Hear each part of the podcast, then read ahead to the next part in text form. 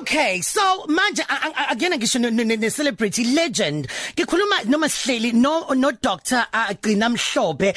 Um njengamanje umsazweni Khosi FM so manje ngibona ukuthi ngathi nginervous ngathi angikwazi ukukhuluma kakhulu. Cha manje ningangiblame. Oh my god. Sabona mase kubingelele umsazweni Khosi FM.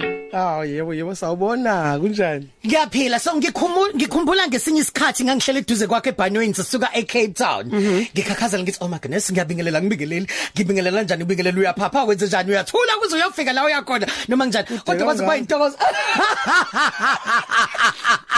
kodwa kwaze kuba intokozo namanje ukuthi esikwazi ukuthi sihlale ndawonye asikhulume sixoxe ngazi kabanzi ngawo ukuthi ubani. Nabanye abantu futhi bazi kabanzi ngawe. Ngomsebenzi wakho omuhle kangaka kuningi sengikutholile nje ukuthi nje sihleli nawe njengamanje um siyazi ngomhla ka24 kuOctober National Storytelling Day. Siyazi ukuthi birthday yakho birthday ehene kukhona umunye futhi usungifundise ngakho ukuthi uma Miriam Makeba ongasekho emhlabeni may her soul rest in peace. Ukuthi waye wakhuluma kokuqala kwi-UN ukuthi hayibo kahleni siqikelekile si South Africa. Eh ubandlululo alipheleni bakithi so sisazoyikhuluma so mawungazi ke ukuthi umamgcina mhlophe ubani kakhulukazi wena we2000 so umgqibelo ekseni okhosini FM kwangivika umnandi ngendlela eyisimangaliso. So wawuvuka isikhathi esiningi ngangisuke ingane ekwani ngangilalela mangabe ngisembhedeni engivuka ngomgqibelo ngoba wonke umuntu wayejahile. Ivesani besikhathi esincane engikhumbula nje kakhulu kwakuyile yegongqonqo akazi igongqonqo lalenzeni. Elaligwinya ngisho isilwane esikhulu esilingana njengenyathi. Oh my goodness.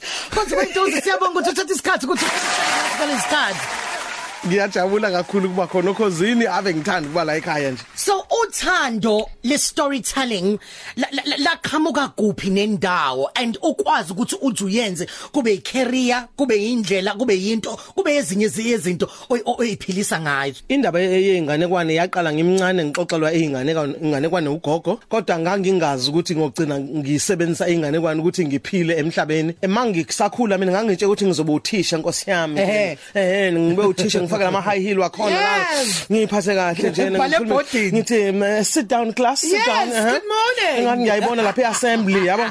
Kodwa ke ngizange kwenzeke ngokuhamba kwesikhathi i think ngangineminyaka eyishumi elinesikhombisa la ngaqala khona ukubhala indatshana yami eyashicilelwa eh kwiphepha book angijabulanga kanjena. Ngingakholwa ukuthi igama lami leli unokugcina.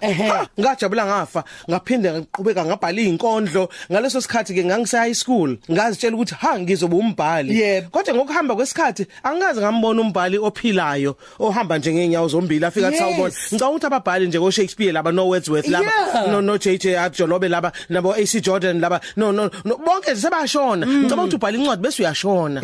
Yangithusa kancane ke leyo nto leyo. Kodwa kuyeke into mawuphiwe uyaqhubeka nayo. Mangifika egoli ngabe sengihlangana nabantu ke abangithatha bangisondeze emsakazweni mina lo ngifunda indaba ngathi ngisuka lapho ngabe ngiyongena ko market theatre ngasebenza nabantu be press trust abantu abahlangana nami emcimbini othize wathi lo sisi ngiyalithanda iphimbo lakho.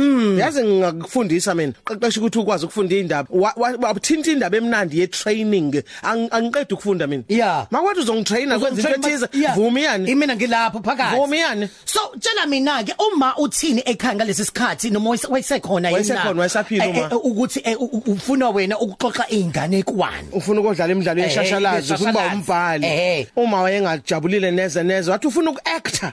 Mayisho legama lokuactor bawubona ukuthi inkinga le kashobani. Abona uma ukuthi ngiyanqena kahle kahle angifuni ukusebenza. Abanye abantu bayasebenza baba omabhalani yabona? Abanye othisha abanye onesi abanye benza imisebenzi nje balekile basebenza emaposini. Mina ngifuna ukuactor. Yeah ukudlala imidlalo yeshashalazi ubuvila bodwa ke bodwa. So so and then ukuthi uzumenze ke ukuthi akwazi ukuyizwisisa lento umtshela ukuthi ma intele engithandayo ikumina ngaphakathi. Lokho one ngapha uma wakho okumele ukuthi umchazele ukuthi khamba kanjani ngapha nayi nengindezi eSouth Africa. Yokuhlukunyezwa nona apartheid esiphuma kuyona nkosi yami. Eh ngizothi nje abazali bami ba ngihlukile mina. Ngicabanga ukuthi ngihlukile zicishe wonke umuntu engizalwa naye.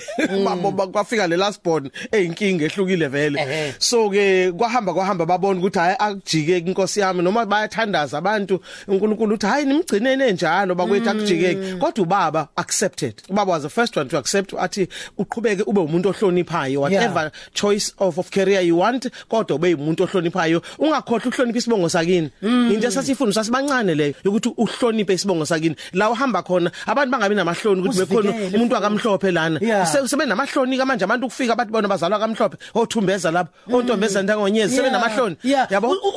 Usprotect usikhosele ngaso sonke isikhathi. Yeah. So ubaba wase Hammersdale and uma wase Eastern Cape. Mhm. so ke ngaba nenhlanhla ukuthi ngikwazi ukufunda zombili ke lezi ilwimi lezi ngoba mangifunde high school yasemfundisweni eEastern Cape ngafunda isiXhosa. In fact ngafunda uXhosa A. Mm. into esho ukuthi ngakwazi ke manje nokubhala incwadi zami inkondlo indatshana ngibhale nangesixhosa. So ngaqala incwadi zami zokuinto kokuqala engakubhala mina kwakungesixhosa. Phinde ngabhala ngesizulu phinde ngabhala ngesingisi. Makuphuma i anthology qoqolele incwadi ehlanganisa abantu besifazana abahlukahlukene kwaphuma unokulunga's wedding. Mayiphuma unokulunga's wedding one of my short stories. Abantu bayabuzana unokugcina ubani yena loyo? Nalegama lingajwayelekile unokugcina who on earth is she? Bayabuzana egoli abantu. Bahlangane nami ngisengiyabizwa ko staff writer ngohlangana no editor wakhona hayibo Raven Press nokulunga's wedding. Who is this nokugcina anyway? Ngathola ijob e Learn and Teach magazine. I was a, a writer uh, for for the magazine for 2 years. I learned so much. I interviewed on Nadine Godima. I wow. interviewed Osisdoli Rathebe Philip wow. Chabane. I was interviewing amazing people. Oh nkosi yami ngaze ngabe nenhlanhla. Okay so kwakunjani ke ngicela uhambe nathi ungena bengena uhleli nabo ukhuluma nabo ngoba mina njengamanje ngikhuluma nawe. Okay fine ngizama ukuthi ngiba right. Wena kwakunjani? Awuhambe nathi nje uthathe usibeke. Asikhulume ngo professor Eskia Mphahlele all right. I mean a heavyweight efana naye and so humble. Bengathi uhlezi nje no no baba nje omaziyo yabona nje? Walapha maybe unit 4 lapha amastate eh, eh asisibalile lokho ukuthi siwazi Eskia Mphahlele mangabe sebekhuluma ngawo. Eh ku traffic. Hey babe siyamphahlele one of the most well known um, uh, stories or books about yena down second avenue. Mm. what a man. He was a teacher he was an educationist in all meanings of the word he was a writer and he ran workshops for many up and coming writers. So ngaba nenhlanhla yokuhlangana nabo labantu ngixoxe nabo. I was just listening mm. and listening. I thought they thought there must be the hungriest journalist they ever met. Because mina bengijisifuna lonke lolwazi funa lonke lolwazi. Ulwazi ngikhula esikoleni sasifunda indaba ezibhalwe abantu baphesheya mm. yabona manje masuhlangana nababhali abagqamile osondonzima base baseningizimu Africa and the African continent inhlanhla engayangandele bani leyo so wahlala kancane eChicago ngo1995 1988 1988 1988 I was asked to go and direct i Have You Seen Zandile with African American actors yes nice mangiyo ba umqondisi we we we play ebizwa ukuthi Have You Seen Zandile which mm. is about my life yeah yeah yeah nga ngaba nenhlanhla enkulu was a, a visiting um, director there. And um, mangi mayidlala le show lena. One of my favorite parts was the 3 o'clock show on Sundays. Kwakwenzakalani? Bafike bengaswenkile kanje abantu bephuma emasontweni ne? Mase behlezi lapho nje and then there's a part where Zandile and Lindy are going to swim at the river. Yebo. Babe yobhukuda emfuleni. Manje amalambu the way bawenze ngakhona ngathi kunamanzi. Manje mabe gxuma yep bagxume bakungena emanzini. Wonke umuntu ohlezi phambili aphakamisa icathulo zakhe. acabanga ukuthi I used to love it. I waited for Sunday afternoon 3 o'clock show. So so so manje mangabe umdlali weshashalazi and then mawusubuka okay uyazi vele kumele ukuthi ufocus aku mm. delivery yakho ukuthi into ozuyisho manje into ozoyikhipha ukuthi uzoyenza kanjani. Mm. kodwa ikuniki leyo nto leyo eh lento bathi ama butterflies lawa agijima ngaphakathi kweni uthi ah njengamanje sibiza manje sithi ngizoslay into enzoyenza ngizoyifry ngizoyenza kanjena. Njengamanje ngiyaba encourage ngiyabangena yabangena uthini kuwena ngicabanga ukuthi ngalezo ikhathi kakhulukazi sasi sasibhala imidlalo yeshashalazi ekhuluma ngesimo mm. esikusona eningizimu Afrika yeah. so bekubalekile ukuthi into mawuzoyisho uzitshela ukuthi asikho isikhathi sokudlala la yeah. asikho isikhathi sokukhohlwa ama line asikho isikhathi sokuthi mawukhuluma nalabantu labo uya actor yes. we were living it iphile ngaphakathi we were living it ngicabanga ukuthi ezinye zezinto futhi o producer ngisho nama casting director mm. abatshelayo abantu abalingisayo njengamanje ukuthi akusa actwa manje. Ah uyayiphila. Dlala iba uyena lowo muntu iba lowo muntu loyo. Okay kuzomela ukuthi sihambe siyobuka sekize ngashona isikhathi angisaboni. abantu kuzothwala. Ngisho nokubona. Oh my gosh hleli no doctor gcina mhlophe emsakazweni ukhozi FM siku 90.1 kuya ku 107.4 FM #ukhozi luhamba phambili. #umculo wethu sithi 100% umculo wethu wasekhaya ngoba siyazi ukuthi October a music manje emsakazweni ukhozi FM lalela ngihleli no Dr Gcina Mhlophe umama Gcina Mhlophe. Hayi bo sazuka kakhulu. Ngiyikhumbule he mm, he mm, Joko he mm, he ingane kwane he Joko he waza neza nendaba. Ngane ngikhumbula kahle kabi. Ngikhumbula. so, so khona into engiyibonayo amangabe kukhona ingane zesikole la umoya wakho uyagcuma gcuma uyajabula ubabiza even nokuthi ama VIP ethu. Kungani bakulethelani kusuka ngibathandana abantu abasha. Nkosi yami since 2001 we started umkhankaso kona izincwadi mother of books. 18 years old. Sivakashela izikole all over South Africa donating books encouraging young people to read. We've never been to a school and not donate books. Wow. sihambe Free State yithi lapha eWestern Cape yithi eEastern Cape. Safike emdantsane ne? Masifike emdantsane there are 14 schools gathered in one place. Yeah uh, uh, in fact if i remember correctly nge24 ka October on my birthday it was raining 2001 yeah. Masifika lapho sithi hey inkosi yami there must be a politician. Akungeneki there are so many people. Yeah. Ngithi asilindeni ke inkosi yami? because the politician. Bese sithi masivule iwind. Abantu bathi gcina mhlophe ubodumzela xa ungena emzini wami ubodumzela. Gcina mhlophe ubodumzela nxa ungena emzini wami. Balinde thina labantu so balinde wena labantu ukuthi ungene ngaphakathi ngithi mina inkinga yepolitician yasibambezela man.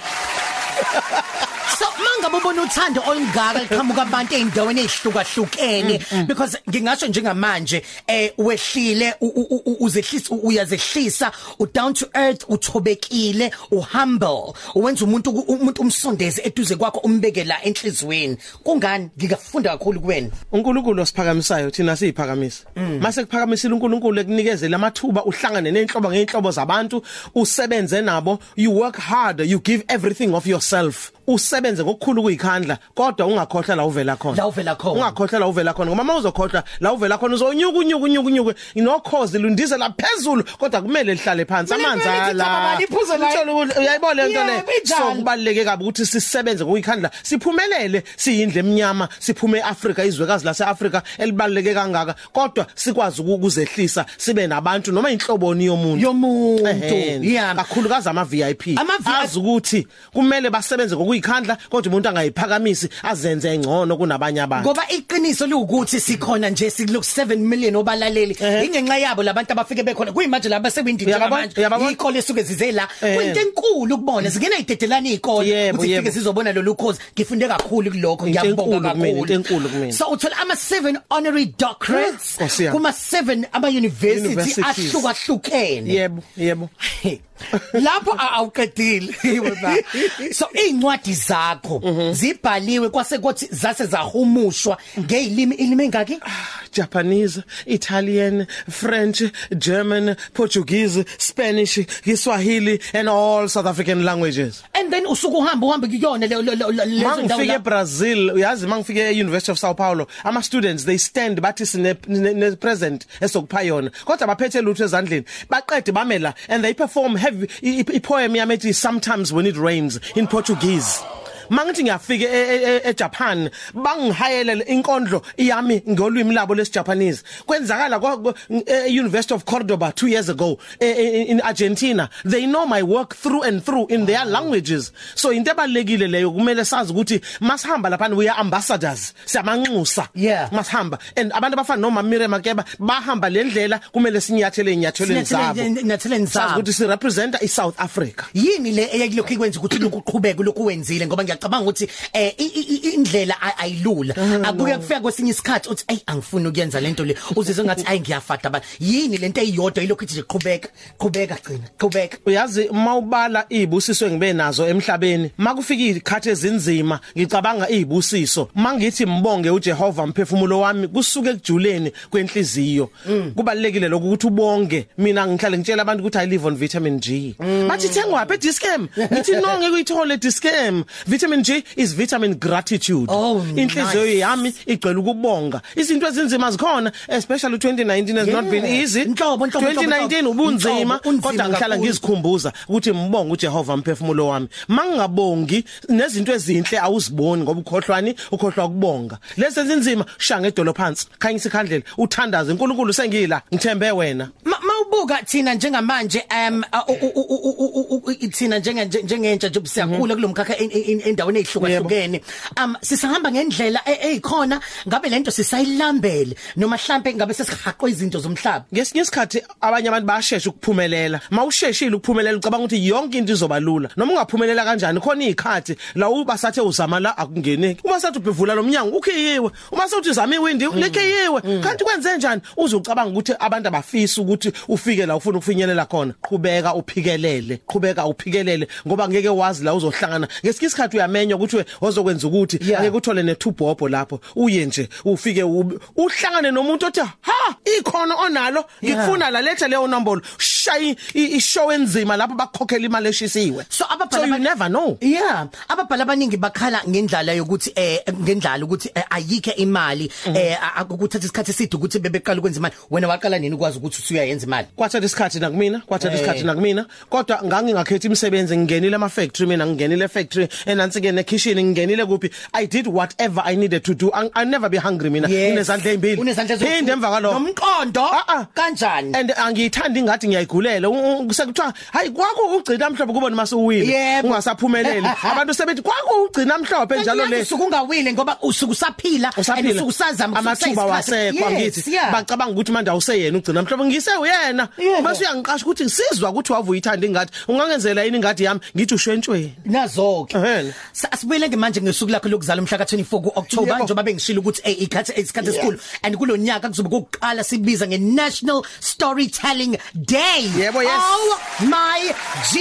Yes. So kwenzakalani ukuthi siyenze ukuthi kube storytelling day? Ngebirthday yakho wenzani? Awusixoxela when i turned 60 last year ngo 2018 kwaba neparty enkulu kwabamnandi abangani bami bafika from all over. And ngathi nje ngicela ukwenza isimemezelo bakwethu. Ngikhathele ukucelebrate national storytelling day yase Mexico or yase Jamaica yakuphi? ngicela ukuthi sibe neyethu. Uba usondonzima kweze ingane kwaneningizimu Africa uyena msalofu umama kakhwezi loyo. Ngathi all right my birthday in 2019 shall be known as national storytelling day. As soon as i said so so many people say okay nathi so wenza ukuthize in our province. Abanye bathi thina suke free state we yeah, yeah. do something. Abanye western cape so manje balokhu bengikhumbuza abantu. Ngeke ngathula nje kwaphela inyanga kanti uthini? Uyezi october wenkosikazi. Uyezi october. So manje sinomcimbi omkhulu ke thursday next week ulwesine eh ngo11 uphe uzoze uphele ngo3 eh sizobe sixoxa izinganekwane si hayi inkondlo sidlala umculo senza into ezihlukahlukene nezinye zezikhulumi zethu ezibalekile from Nelson Mandela University yes. or Professor Ntombana u Dr Mabuza who used to be an ambassador in many many countries. She's coming down yes. for the National Storytelling Day the director of Women Unite from Cape Town. Mm. Nuthandiswa Boy is going to be with us? Yeah. so abantu abahlukene ubaba madala kunene hello. Yeah. yes yes yes yes. Umama uMabhengu so sobe sisonke kubalekile ukuthi kube nosuku olunjena. Manje it's going to happen every year in National Storytelling Day 24th October. So 24 October khona umunye umngane wami ozalwayo ngomhla 24 October kamla mthu nonhlanhla khona khona noma nengane esekhaya udade wethu ayandu nayo uyazala ngomhla 24 October. Ngiyazi ukuthi uthe ufuna ukuhlanganisa bonke next year next year nje kufuneka kubabe ama VIP ngempela azoba seduze kwami lawo. Umuntu nje owazi ukuthi uzalwa nge24 ka October ngo2020 masenza lento kumele bese seduzane yeah. So i support kodwa nayithola ke ayiluli support ayiluli. Si support siyadibanisa 20 cent la ufaka 11 cent la asiyitholi kahle hle i support eh kuya kuyasikhalisa lokho kakhulu. Eh sibonga nje ukuthi sithe masiyithola le ndawo under the storytelling tree eh South Durban Basin lapha e Bluff Showgrounds mm. where the event is going to be. Yeah. abantu be Parks and Recreation came on board. Yeah. but sizonilekelela they are helping us in kind. Which is important. Yeah. kodwa kuhambe kuhambe sidinga ama cent bakwethu thenga sidinga ukuthenga ama flights sidinga ukwenza into ezihlukahlukene marketing kubalekile ukuthi sithola ama cent ngoba umsebenzi esiwenzayo unzima kakhulu. So ngenza njani ke mangifuna kuba ingxenye ya storytelling day ngomhla 24 October? Imniningane yakho nikuphi nendawo ngizenza kanjani? Sizobe sise Bluff Showgrounds em lapha em kuTara Road. Abantu bayaziyo ke Bluff bazokutshela mina ngijwayele ukuthi inyama eBluff meat. Uduleke Bluff meat yeke ke Bluff meat. Woza ngeneno. Yebo du babathi hayi mina ngijwayele ke Oxford ama price ngiyeke Oxford. wena umgwaqo nje wena nanti ipake elikhulu kune stage and there's a big fig tree lapho. Silapho ke thina kune stage esihle kabi lapho. So qala ngo11 sigcina ngo3 o'clock. Ngo3 ntambama bekushikisha ufudu awukwazi kwamnandi wemasi ngena ngamalinzi ngena mahala mahala uzani ke Bluff Showground ngena mahala ngomhla 24 kuOctober kuzobe kumnandi ngendlela isimaliso ngiyacabanga njengamanje ngiyakhumbula masikhuthazo. I mean wesikhomsha uqalile uya load shed. Um lo 2 hours usukuhlela ungenzi lutho. Why why ungafundeli ingane yakho ingane kwani? Correct. Abantu abaningi in different provinces are going to be reading at 11 o'clock sharp ingane kwani? Yeah exactly 11 o'clock nge 24 ka October. Oh, in your school in your library sisebenzisa yini konje ibutswana bafonile bathi bafuna uba ingxenye iGhana iya email bathi bafuna uba ingxenye iJamaica bayafona bafuna uba ingxenye Kenya they're going to be celebrating with us. Hello? Uthini kwena ke mabefuna ukusho kanjalo? Ngithi ingcwele ingcwele lala ngikwazi ukuthi ngikwazi ukudedela dokotela ngaphandle ukuthi nje ushiye ngengqondo. Abanye bane load shedding njengamanje. Ngiyazi eyami izoqala ngo6 ntambama. Sicela nje ingane okanye e fast. E fast nkosiyana esheshayo nje. Esheshayo nje emnandi. Yasi ngizozama ukuthi ngizame esheshayo ke sithi kwesuke sukela nje. Ehe. Kwakukhona intombazanyana eyayithanda kakhulu ukuthi mayibona izinyoni vele ijabulife. Abanye bazibabuza awuthandi yini kuba intombazane enhle wena? Uthanda kuba inyoni mhlawumbe mhlawumbe ufuna ukumila impiko undize. Mathi ulungile cha angifisi kuba inyoni. Ngiyathanda kuba ulungile mina. Ulungile ethanda ukuhamba nabangani bakhe mayiyobhukuda bahamba naye. Mayiyotheza izinkuni bahamba naye. Abanye ogogo babeze bathi ngiyasola. Ezinye intombi zicabanga ukuthi umazi seduze kwalungile ubuhle bakhe buzosuleleka kuzona. Akuzange kwenzekeke lokho. Kodwa kwathi ngelinye ilanga kuloko kufika izinsizwa ngathi khona umuntu oshaya ixilongo wathi wozani isikhulile intokazi isilungela ukushada. Wathi akuyena lo. Fika omunye oyisicebi oyisicebi athi ulungile no? Akuyena lo. Kufika omunye omuhle into ngazo uyibona. Kwahamba kwahamba abazali bakhe bathi ayikho indaba yakho na khuluma ufunani? Ngempela abanye baqala baqamba izingoma zemishado behlekisa ngaye. Abanye bethi uyoza shada insingizi ebaxoxa nomyeni wakhe leyo nyoni leyo embi yazi leyo nyoni le. Ethi hudu hudu hudu hudu kuthi kuthiwa kuphela kwento abazibayixoxa ke bebo babili leyo. Kodwa entathakusa esalele ngelinye ilanga ulungile kwafika inyoni nomsilo omude. Yathi lungile sheshisa umyeni wakho kulindile ethamini ethamini ayayayaya wazalungile wazalungile wavuka wagqoka wayilungisa wafaka ubuhlali bakho obuhle abuthandayo afundiswe ogogo bese jwayele ukuba nabo. Gijima wayakho nedamini wayibo uyibona insizwe yakhona inhle kanjena.